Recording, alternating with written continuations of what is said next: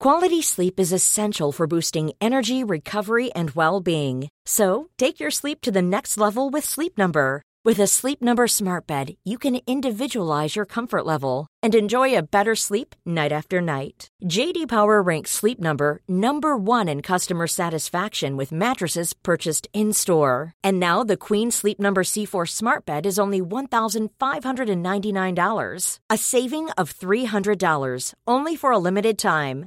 For JD Power 2023 award information, visit jdpower.com/awards. Only at Sleep Number stores or sleepnumber.com.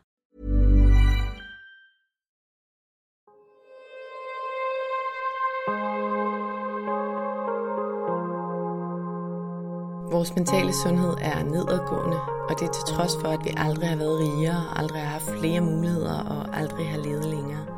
Det skal vi selvfølgelig tale højt om, så vi kan blive klogere på, hvordan vi får det bedre. Podcasten her handler om, hvordan vi kan lykkes med at være gladest og friest muligt i det ene, ofte ret travle liv, vi har.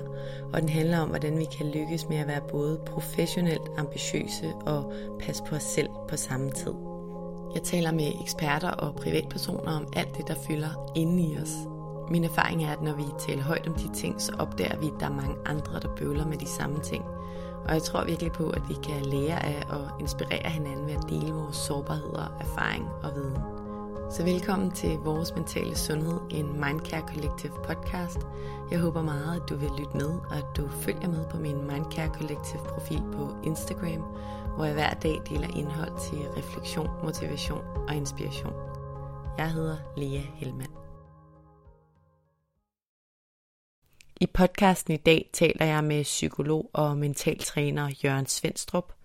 Vi skal tale om selvværd, selvtillid og vores evne til at sammenligne os med andre, og om hvordan de her ting påvirker vores mentale sundhed. Inden vi starter vil jeg som altid også lige nævne, at du helt gratis og nemt kan støtte, at der bliver ved med at komme nye afsnit af vores mentale sundhed. Det gør du selvfølgelig først og fremmest ved at dele, at du lytter med derude. Derudover betyder det selvfølgelig også rigtig meget, hvis du rater podcasten, anmelder den og subscriber til den i din podcast-app, hvis du kan lide det, du hører. Du kan også donere et valgfrit beløb til podcasten. Det gør du via MobilePay-nummeret 155503, som du også kan se i tekststykket under afsnittet her. Det er alt sammen med til at støtte, at der kan blive ved med at komme nye afsnit. Tusind tak. Hej Jørgen, velkommen til. Tak skal du have, Lea. Jørgen, øh, jeg har i den grad set frem til at tale med dig i dag. Vi skal tale om noget ret grundlæggende i forhold til mental sundhed i dag, nemlig om selvværd og om selvtilliden. Og så skal vi tale om sammenligninger. Og de her tre ting, de påvirker jo, hvordan vi går og har det inde i. Mm. Og derfor skal vi selvfølgelig tale om dem i podcasten her, hvor vi belyser stort og småt omkring mental sundhed. Men øh, inden vi dykker ned i det, Jørgen, så vil jeg gerne starte med at introducere dig. Du har en master i psykologi. Du er partner i Empower Mind Danmark, hvor du er coachtræner, og du har siden 2005 uddannet over 1000 coaches og mentaltrænere i hele verden. Derudover så har du den, efter min mening, både lærerige, spændende og ret let spiselige podcast Nøglen til din hjerne, hvor du besvarer alverdens spørgsmål inden for psykologien. Og så har du skrevet en håndfuld bøger Jørgen, der er jo virkelig mange ting, jeg har lyst til at diskutere med dig, fordi du virker til at være et øh, leksikon af psykologisk viden og erfaring i forhold til vores menneskets potentiale. Men i dag så skal vi altså som nævnt tale om selvværd mm. i forhold til selvtilliden. Hvad er det, og hvordan påvirker det os og vores mentale sundhed og sammenligninger? Altså, hvorfor sammenligner vi os? Hvorfor er det smart, og hvorfor er det uhensigtsmæssigt? Hvad kan vi gøre for at lade være med at gøre det? Det skal vi, det skal vi tale om, så lad os kaste os ud Ja, det er super spændende og vigtigt oven i købet. Jeg tænker, det er klart, at mange af dem, som lytter med, formentlig allerede har grænsket lidt i deres egen selvudvikling. Det kunne jeg i hvert fald godt forestille mig. Så de kender måske godt til forskellen mellem selvværd og selvtillid. Men fordi det er så afgørende at forstå, så synes jeg alligevel lige, vi skal starte med at afklare det. Så hvad er forskellen på selvværd og selvtillid? Vil du ikke starte med at sætte nogle ord på det? Jo, og det er jo det er jo bare to ord, jeg, jeg tror nok, at, jeg tror du er helt ret i, at, at mange kan have en idé om, der er en eller anden forskel, men måske uden at være helt klar over, hvad egentlig forskellen er. Der er også en skole, der taler for, at man ligesom slår det lidt sammen, og, og, og kan kalde det sådan en fælles betegnelse, et selvbillede for mm. eksempel. Ikke? Øh, men faktisk er der så nogle, nogle væsensforskelle mellem de to begreber, som, som jeg synes, øh, for det giver god mening at få det delt op. Den væsentligste forskel er, at det ene af begreberne, selvtilliden, er knyttet til adfærd, mens det andet begreb, selvværdet, er knyttet til identitet. Og det er ikke nødvendigvis noget, tror jeg, vi i hverdagen går rundt og tænker på, at der er noget, der er adfærd, og noget, der er identitet. Fordi hvad er, hvad er det, og hvad er forskellen? Men det, der er, kan man sige, adfærd, det er det, vi gør.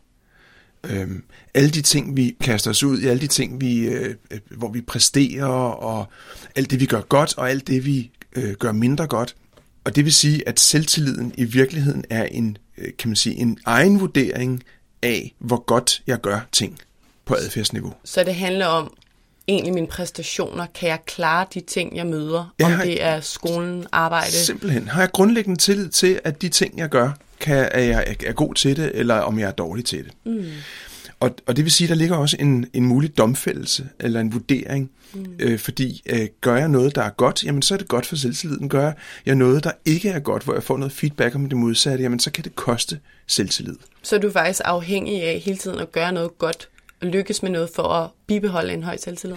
Ja, og lige præcis, Lea, fordi du kan sige, at du jo dybest set aldrig er bedre end din sidste handling. Så det vil være din, det sidste, du gør, der sådan set er den sidste benchmarking, eller den sidste sådan, øh, selvevaluering. Og, og lad os så sige, at du kommer ind i en, i en i, og vi kommer alle sammen til i livet at gøre ting, der fungerer super godt, men vi kommer også til at gøre ting, der ikke fungerer særlig godt. Og, og kommer jeg så ind i sådan en, en stime af ting, der ikke rigtig fungerer for mig, jamen så kan, kan det begynde at koste på selvtilliden. Så det er sådan en, det er sådan en, en kurve, der i virkeligheden fluktuerer, mm. øh, og er, er, er meget stærk eller mindre stærk, lidt afhængig af, hvordan det går med de ting, jeg går rundt og gør i livet. Mm. Jeg vil jo rigtig gerne ind på selvværd også, men lad os lige blive lidt ved selvtilliden. Mm. Så for at opdyrke selvtillid som barn for eksempel, så handler det om, at man bliver rost, at man klarer det godt i skolen, at man jeg har nogle forældre og venner, der siger det, man gør godt, eller hvordan udvikler man en selvtillid? Jamen, der er sådan set grundlæggende to måder. Fordi det ene, det er, at du kan, du kan gøre noget, og så kan du være tilfreds med det selv. Og det, og, og det er jo, altså det der med at få sådan en oplevelse, en succesoplevelse, det er jo super fedt, ikke? Wow, hvor var det fedt, det jeg lavede her, ikke? Og det vil sige, det går direkte ind på selvtillidskontoen, når du selv har en oplevelse af, at det du gør virker. Men den anden, kan man sige, den anden måde, det er det, vi får at vide fra vores omgivelser. Og, og når vi bliver øh, når vi bliver rost af omgivelser, det kan være, at det er forældre, når vi er små, eller det kan være venner, eller det kan være partneren, eller øh, andre specielt autoriteter i livet, når vi bliver rost og anerkendt af dem, jamen så bliver jeg vurderet på min præstation. Og det er, øh, og det er super fedt jo at blive rost. Det er også lidt ligesom sukker. Øh, når jeg bliver rost, så er det sådan motiverende til at gøre noget mere for at få noget mere ros. Og det vil sige, at der bliver jeg i virkeligheden i højere grad yderstyret. Så der gør jeg noget for at opnå noget. Er det ikke også derfor, man taler om, at børn, at man skal som forældre huske at rose processen, altså man skal rose mere, for eksempel hvis de har tegnet en tegning, kan man sige, at det er nogle flotte farver, de har valgt at spørge til, hvad de ligesom har gjort for at tegne den her tegning, og være nysgerrig på dem, og at de har tegnet frem for at bare sige, nej, det er godt nok en flot tegning. Ja, og det, det sidste, tænker jeg, vil for langt de fleste af os være default. Altså det vil være, hvis du spørger sådan et bredt udsnit af forældre, eller lærere, eller bedsteforældre, eller andre, mm. øh, så vil langt de fleste af os lave en øjeblikkelig vurdering af produktet og af præstationen. Mm. Lige fra den flotte tegning, ej, var den flot, til når barnet sidder oppe i, øh, på toppen af rusjebanen og siger, se mig, jeg er ikke dygtig. Åh, oh, du er simpelthen så dygtig. Ikke? Og det, Hvad kan man sige i stedet for så, der ved rusjebanen? Jamen, det, det er, i, i virkeligheden er det lidt bøvlet, fordi hvis vi skal tale til selvværdet i stedet for at ikke lave vurdering af selve produktet, så skal vi sige noget i retning af, ej, hvor er det dejligt at se, du hygger dig. Ja. Og hvis det ligger lidt underligt i munden, så er det jo i virkeligheden bare et tegn på, at det er meget sjældent, at det vi siger. Ja.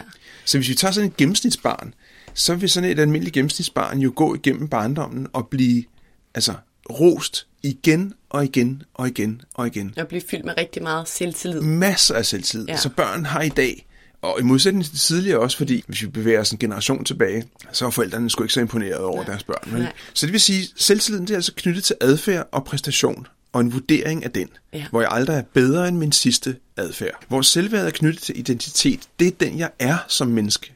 Og den, det er jo en væsensforskel. Jeg, jeg er jo noget, du er øh, noget, du oplever dig selv som værende noget.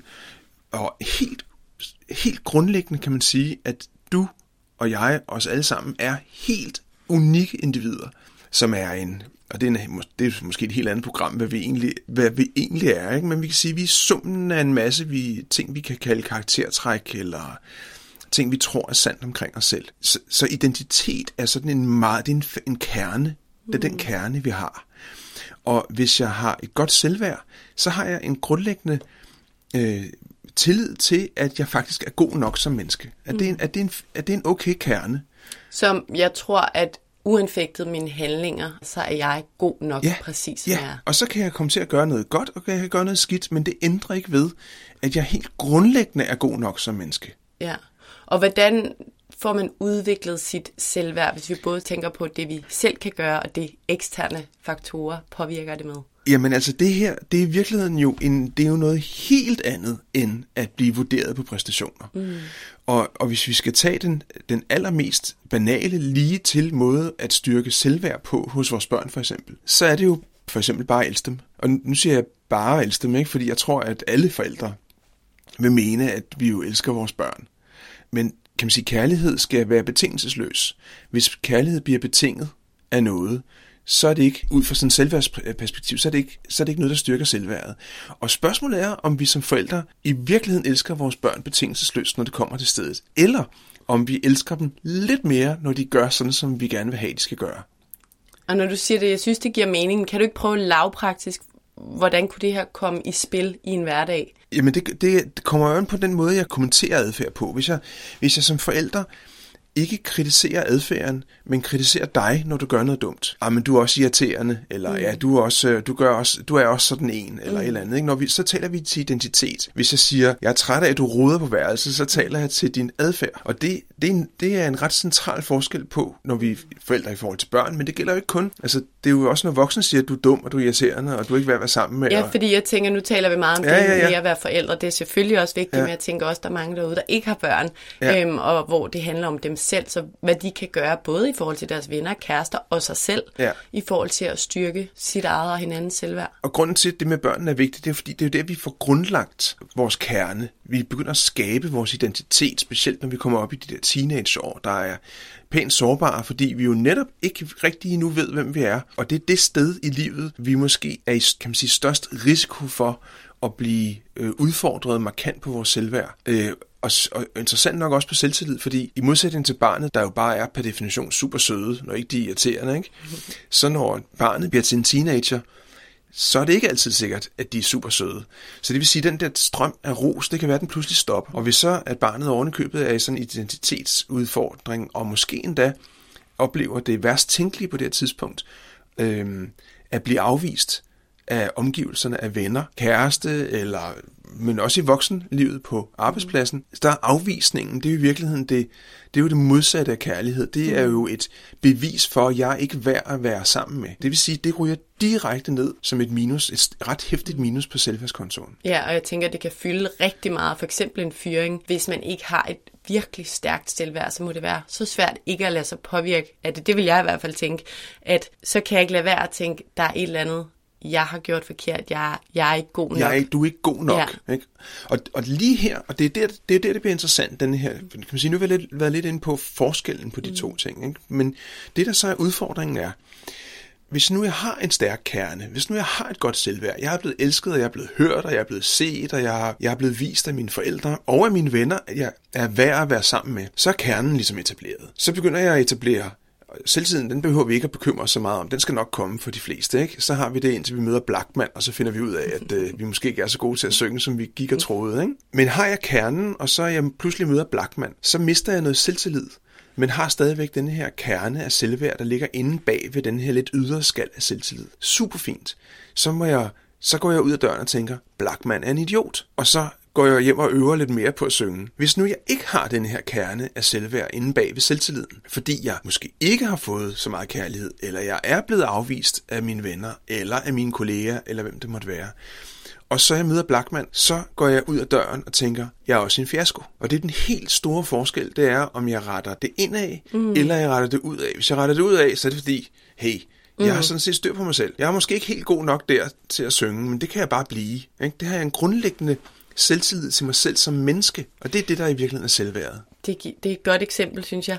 Jeg tænker, noget jeg rigtig gerne vil høre, det er hele udgangspunktet for podcasten, det er jo mental sundhed mm. og hvordan vi har det inde i. Og udgangspunktet også det her med, at vi har aldrig været rigere, vi har aldrig levet længere, vi har aldrig haft flere muligheder, men samtidig har vi faktisk aldrig haft det mentalt dårligere.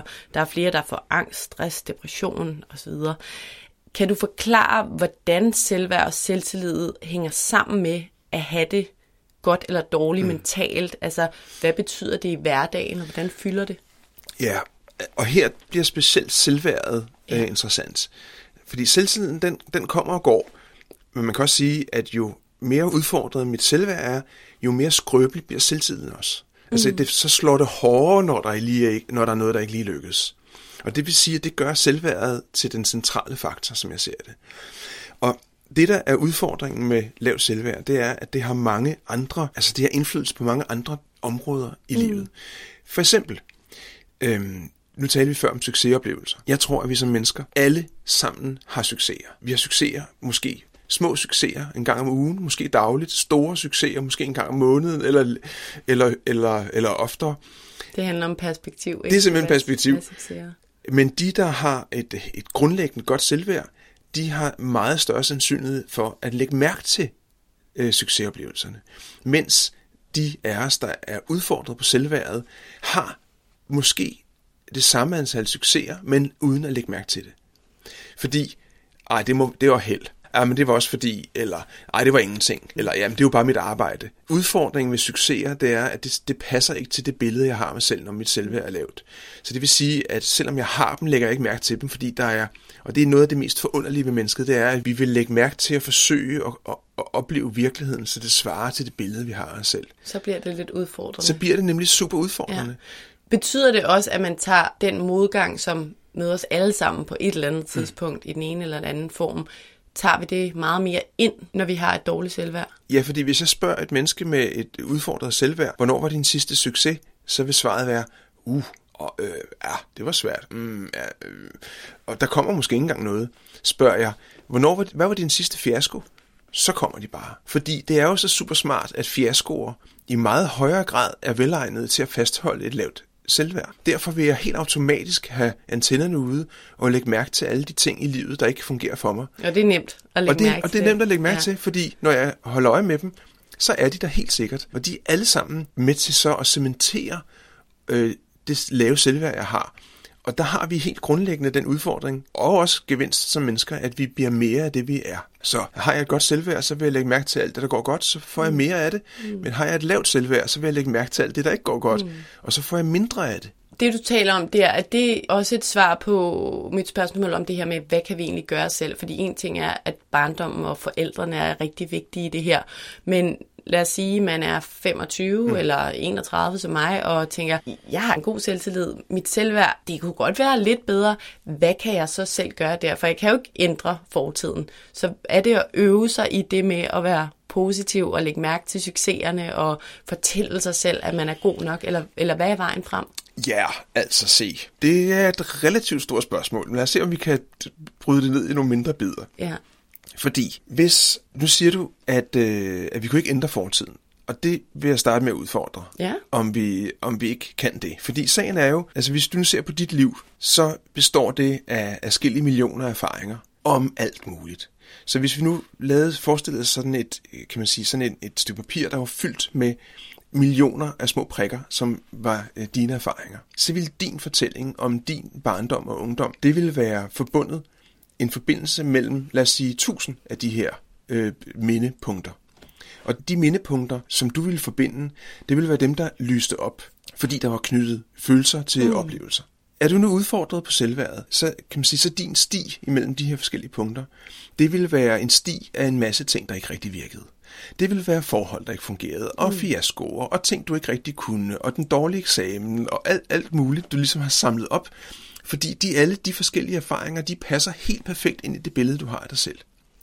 Så når jeg spørger dig til dit liv, så vil det være din livsfortælling. Så det handler om at gå ind og ændre de stier og de erfaringer, man har haft. Det er i hvert fald én vej. Ja. Ikke? Så det er én vej, det er faktisk at ændre den fortælling. Og når jeg spørger dig, så er du jo sådan set ikke i tvivl, fordi det er jo den fortælling, mm. du har og har etableret omkring dig selv.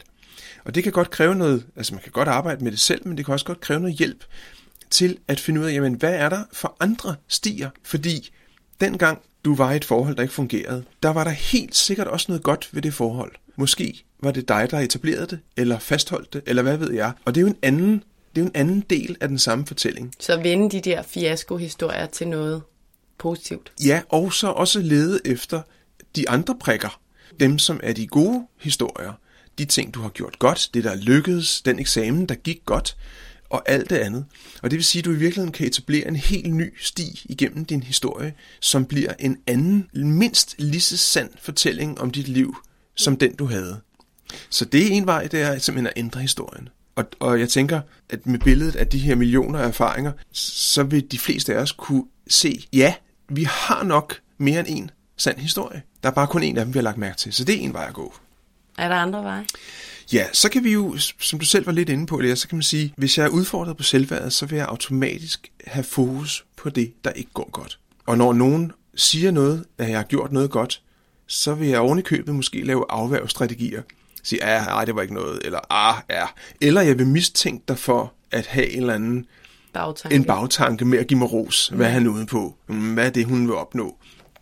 Fordi det kan jo ikke passe, at hvis eftersom jeg er et værdiløst menneske, så, så når du siger til mig, at jeg har gjort noget godt, så må det være, fordi du har en bagtanke. Så det vil sige, selv den ros eller anerkendelse, jeg får, vil jeg øh, negere, hvis jeg overhovedet kan slippe afsted med det. Så det vil sige, at en, en central måde at ændre, kan man sige, den nye vej på, altså fremtidsvejen, det er jo at begynde at lægge mærke til de ting, der går godt. Og det er sådan, som udgangspunkt det lyder nemt, men det er det ikke nødvendigvis, fordi jeg automatisk per definition vil lede efter det, der bekræfter det udfordrede selvværd. Så her, der, der kan det hjælpe mig at have lavet den nye, altså lavet en ny fortidshistorie, fordi det er jo i virkeligheden en bevis for, at der også er en anden sandhed. Og det, den indsigt kan skabe forudsætningerne for, at jeg faktisk kan begynde også at lede efter succeser i fremtiden. Ja, og få en ny overbevisning omkring. Og simpelthen få en ny grundlæggende overbevisning. Så det kan være en, en anden vej at gå. Så der er noget, man kan gøre, selvom det kræver en indsats. Ja, og, og det gør det. det grundlæggende så, så kræver det faktisk en indsats, fordi det mm. kan være en, kan man sige, en fasttømret overbevisning, som jeg har øh, vedligeholdt i, i mange år. Øh, er jeg barn, så er det ikke så mange år, men er jeg voksen, øh, så, er det så, er det, skal det være rigtig, rigtig mange år.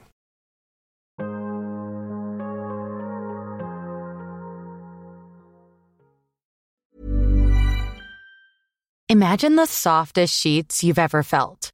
Now, imagine them getting even softer over time.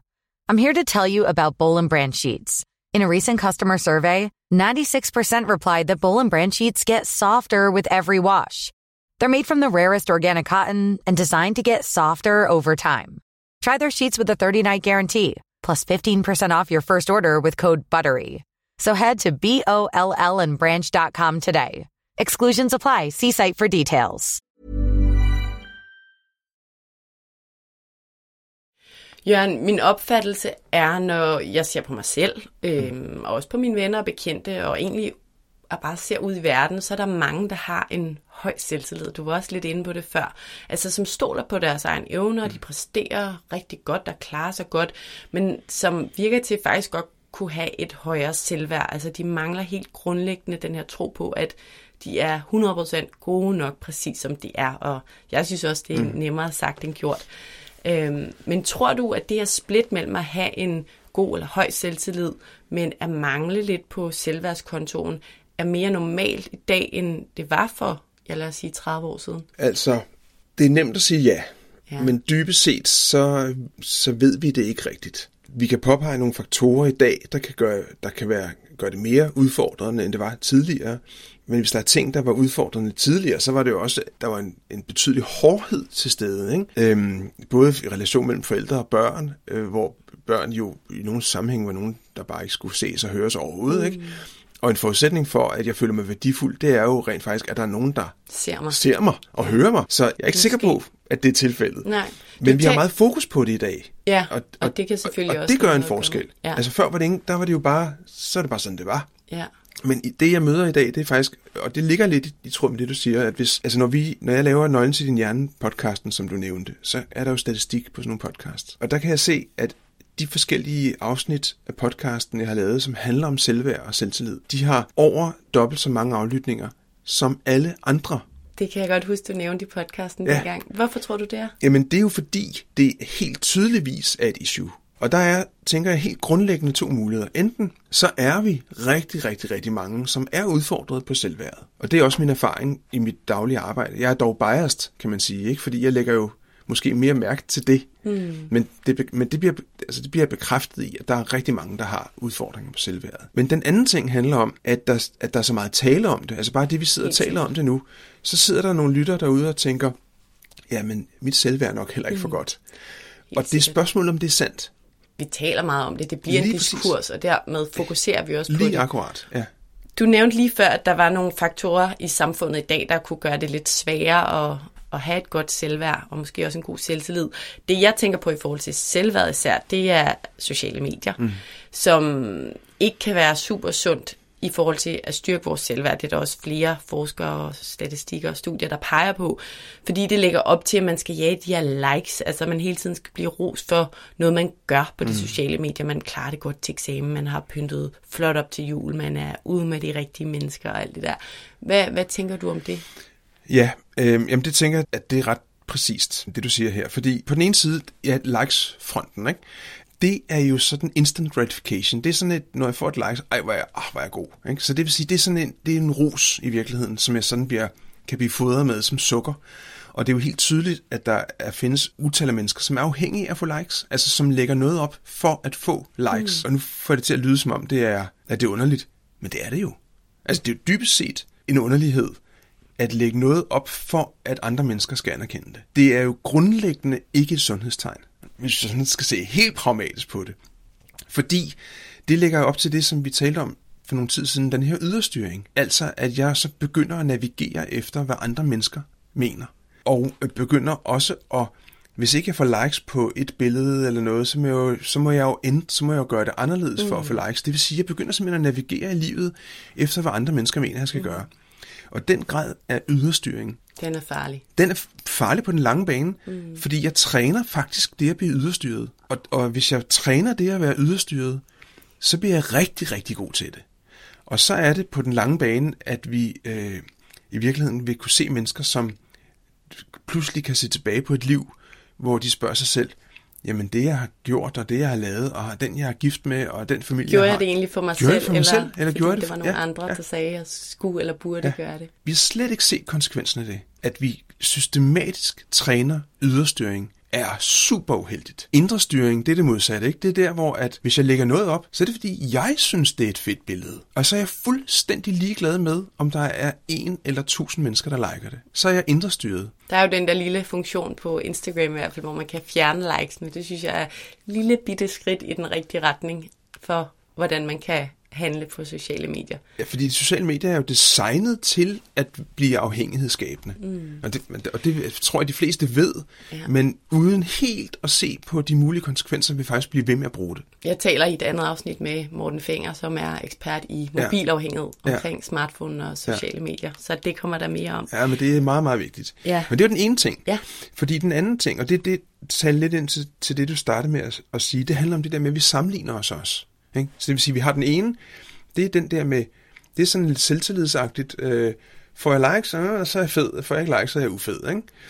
Øh, den anden faktor handler om, at vi grundlæggende som mennesker har det med at sammenligne os med dem, vi møder. Og sådan har vi gjort lige siden vi var krybdyr. Ud fra sådan helt grundlæggende, at vi skal passe ind i et hierarki. Mm. Så, og det er ikke noget, vi nødvendigvis tænker over som mennesker. Det sker fuldstændig automatisk. Det sker i børnehaven, i folkeskolen, på arbejdspladsen, i vennekredsen, alle steder. Ja, og det ved jeg jo godt, det her med, at vi vil gerne være en del af gruppen, og vi vil gerne overleve, eller dengang vi var på savannen, ville vi gerne overleve. Men spørgsmålet er stadig, hvorfor fylder det så meget? Fordi jeg kender virkelig til det med sammen, sammenligninger, og jeg synes virkelig, at det er en træls evne, og jeg vil egentlig ønske, at det ikke fyldte så meget hos mig, som det nogen nogle gange gør. Altså, jeg får virkelig nemt de her ting, der sker hos andre, til at betyde noget hos mig selv. Eller jeg tænker i hvert fald lynhurtigt, hvis nogen for eksempel får et andet job, sådan, hvordan står jeg egentlig selv i forhold til mm. sin job, eller burde jeg selv få mm. sin job? Og det samme, hvis nogen tager på en eller anden rejse, at så kommer jeg automatisk til at lægge det over på en eller anden overvejelse i forhold til mig selv. Og det er på trods af, at jeg egentlig synes selv, jeg har et ret godt liv. Ja, altså, jeg har to små børn, ja, jeg ja. har godt CV, jeg bor i et hus nord for København, mm. og alt det der. Så, og jeg er bevidst om, at sammenligninger ikke er godt for mig. Så hvorfor er de så magtfulde, som de er? Altså, hvis vi ser på det sådan helt oprindeligt, så er det jo fordi, at vi skulle helst lægge os ind på det rette sted i gruppen. Det er jo der, hvor der er færrest øh, sandsynlighed for at blive slået ihjel. Så der er sådan set en meget god grund til, at vi gør det.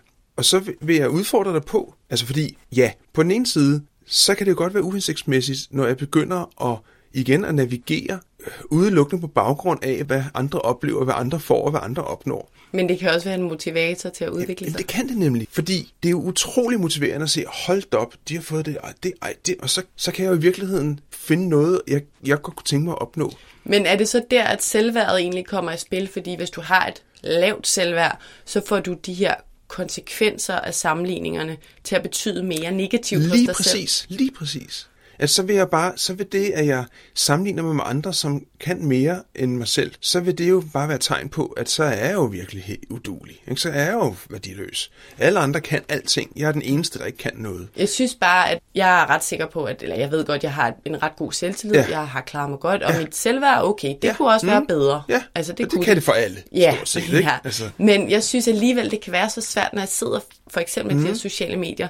Der er tit, hvor jeg slukker dem, og så tænker jeg, fik jeg noget godt ud ja. af det der? Altså, jeg føler ikke den der motiverende, Nej. let's go do. Nej. Hvad skal jeg så gøre der? Jamen, altså, kan man sige, vi går ind i en som helst klasserum, eller en hvilket som helst vennegruppe, øh, på en hvilket som helst villavej, går vi ind og laver de her øh, sammenligninger i in the real world. Og, og det tænker jeg, at det er ikke så meget in our face. Det er sådan en naturlig måde at navigere på. Udfordringen med sociale medier kan igen være, at jeg får klasket op mm. i mit ansigt alt det, alle andre har. Mm. Så det vil sige, det er jo sådan en, en massiv udstilling af, alle andre er super tjekket, og det er jeg overhovedet ikke. Så det handler mere om intensiteten. Det synes jeg giver rigtig god mening. Jeg tænker også det her med, at digitaliseringen, internettet, sociale medier, det har gjort nogle gode ting, mm. Wow, hvor har det også bare givet os muligheden for konstant på alle tidspunkter af døgnet at aktivere den her savanne-egenskab om at sammenligne ja, os. Ja. Og specielt for, lad os sige, unge mennesker, som jo, som vi talte om, er i gang med at etablere identitet. De kan gå ind, og så kan de se, at alle, alle deres venner, de er mega tjekkede og har styr på deres liv. Den eneste, der ikke har det, det er mig. Fordi man viser de glansbilleder derude på ja. de sociale Bortset fra taberne, der, der fortæller, hvor forfærdeligt de har det. Ikke? Men dem kan man ligesom, de ryger jo helt ned i bunden. Ikke? Så mm. dem, behøver ikke engang, dem lægger jeg ikke engang mærke til. Jeg lægger kun mærke til alle glansbillederne. Og det synes jeg også, det der med, at man kan altid lægge mærke til noget, der er bedre end en selv. Ja. Ikke? Selvom man faktisk har det ret godt, har et godt liv, så vil yes. der altid ja. på nogle parametre ja. være nogen derude, der har det federe, ja. eller bedre, eller rigere, eller et bedre job. Og det gør det lidt hårdt for sindet, eller vi skal på arbejde, ikke? Jo, og det er jo spørgsmålet, om det er det værd i forhold til det, vi får ud af det.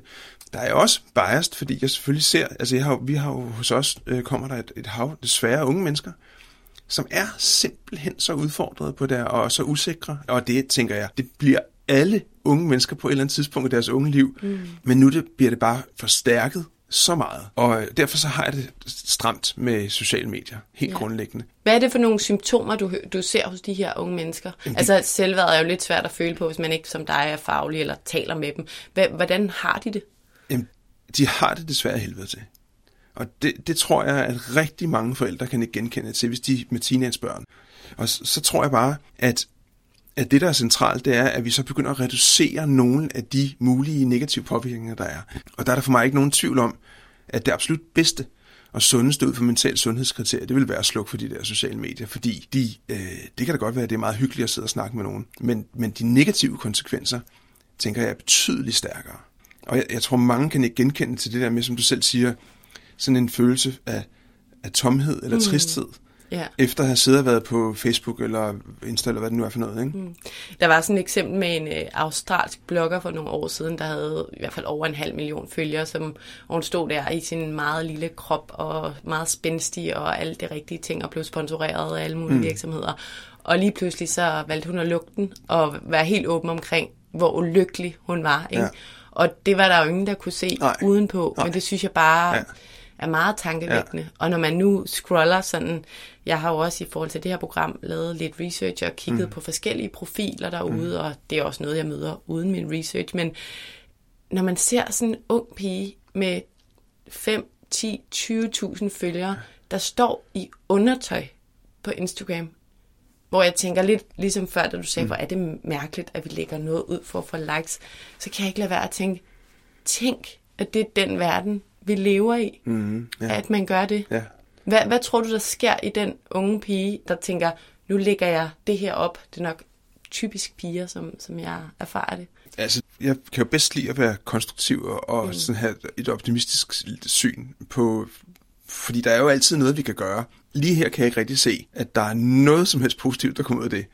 At der er, der er størst sandsynlighed for, at den unge pige eller dreng, eller hvem det er, får det dårligere og dårligere af det. Og, og det er jo ikke tilfældigt, at vi kan se et, et nu er der flere grunde i sociale medier, skal jeg skynde mig at sige, ikke? men det er ikke tilfældigt, at vi kan se, at unge mennesker simpelthen får det dårligere og dårligere med lynets hast i øjeblikket, mere end vi måske nogensinde tidligere har set. Ja, meget skræmmende. Ja, det er virkelig, virkelig skræmmende. Det er vi ikke engang begyndt at, at altså, kratte i nu. Det skal vi nok komme til at lide under i lang tid. Ja.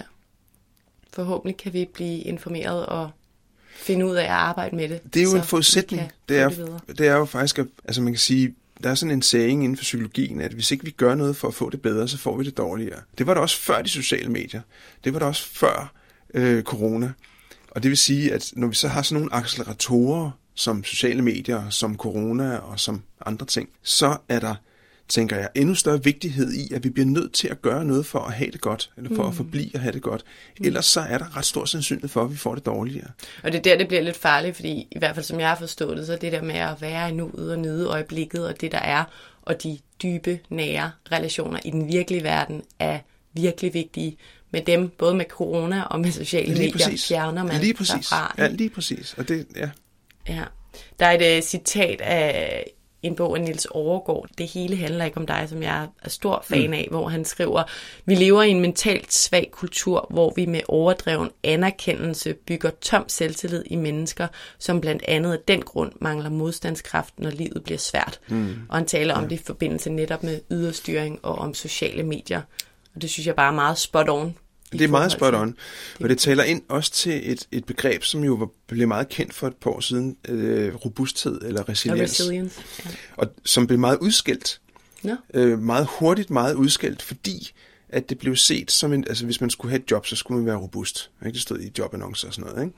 Og så kan man sige, jamen skal man være robust bare for at varetage et helt almindeligt job? Kan det virkelig være rigtigt, at vi nåede dertil? Og det er lidt en fribillet til virksomheder at udnytte, altså kan man sige, når jeg har robuste medarbejdere, så kan jeg jo køre endnu hårdere på. Mm. Kan vi ikke lige afklare, bare for dem, der ikke kender ja. det, robuste resilience er evnen til at modstå den modgang, der kommer i livet? Ja, det er, sådan, det er en mental modstandskraft. Ja.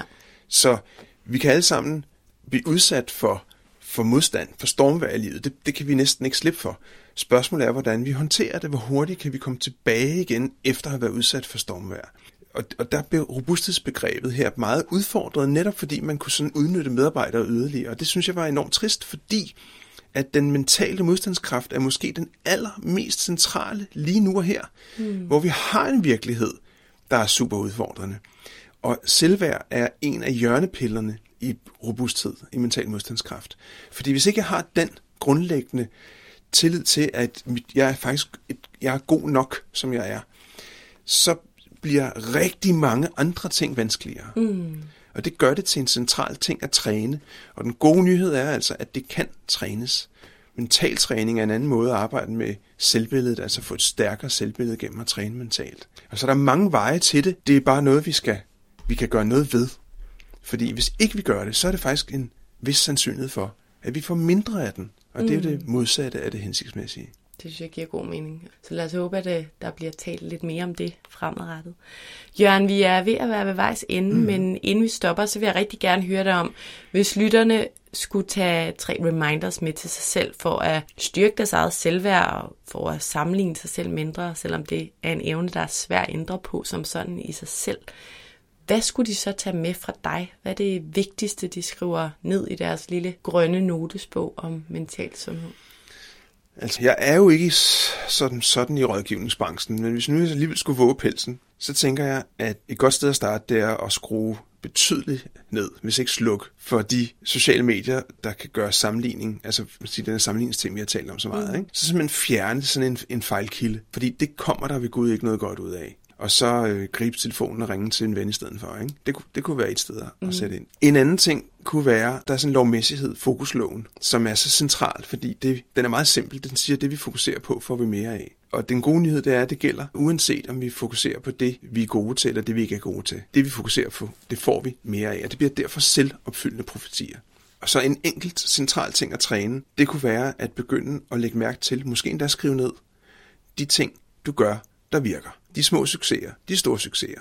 Et minut hver dag. Mm. Lige notere, hvad har jeg haft af succeser i dag? Og det kan være i starten, at de faktisk er svære at finde. Men hvis du bliver ved med at lede efter dem, så er jeg fuldstændig stensikker på, at de dukker op. Og det er en måde at vende fokus på, og træne fokus på noget andet. Og så på et tidspunkt, når jeg kan sidde og se på sådan en liste over 1000 succeser for 2022, så bliver det altså svært at opretholde et selvbillede om, at jeg ikke er særlig god, som jeg er. Ja. Så det der, den der indre bevisførelse, den kan være vigtig lavpraktisk ja. Øh, eksempel. Ja. Så fokus og væk med sociale medier. Altså jeg har faktisk svært ved at se et eneste argument for overhovedet at være på et socialt medie. Helt afsluttende, Jørgen, og lidt mere abstrakt, så kommer et spørgsmål, som jeg meget godt kan lide at stille nogle gange, uanset hvad vi, vi taler om som emne. Men hvad er meningen med livet for dig? Jamen det, det er da et super fedt spørgsmål. Øh, og det har jeg da brugt en del tid på at, øh, at tænke over. Jeg er nået frem til, og det er jo nogle gange, så er det jo måske banalt i virkeligheden, når det kommer til stykket. Men jeg tror rent faktisk, at meningen med livet er, at det skal være godt. Og metoden til, at, at livet bliver, bliver godt. Fordi der åbenbart er der for mange mennesker, der ikke oplever, at det er godt. Og jeg tænker, at en central metode til at gøre livet bedre, det er, at øh, vi i højere grad er til stede i det, vi har gang i, frem for at være alle mulige andre steder. Nærværet nærværet i det, vi har gang i. Og der, der har vi jo etableret en verden, hvor vi har helt exceptionelt mange distraktioner. Og en hvilken som helst distraktion, vi har, fjerner øh, vores fokus fra det, der er. Så derfor, derfor tænker jeg, at en vej kan være at simpelthen fjerne distraktioner. Fjerne alarmer og påminder og, øh, og sociale medier, øh, skrue ned for nyhedsapp-forbruget øh, og alt, hvad der ellers er. Vær til stede. Vær til stede i det, vi er i. Så øger vi sandsynligheden for, at vi, øh, at vi får et godt liv, tror jeg. Mm. Tak for det. Tusind tak, fordi du vil være med i dag, Jørgen. Det var super spændende, og jeg er helt sikker på, at du har inspireret nogen derude. Det er vigtigt. Tak skal du have.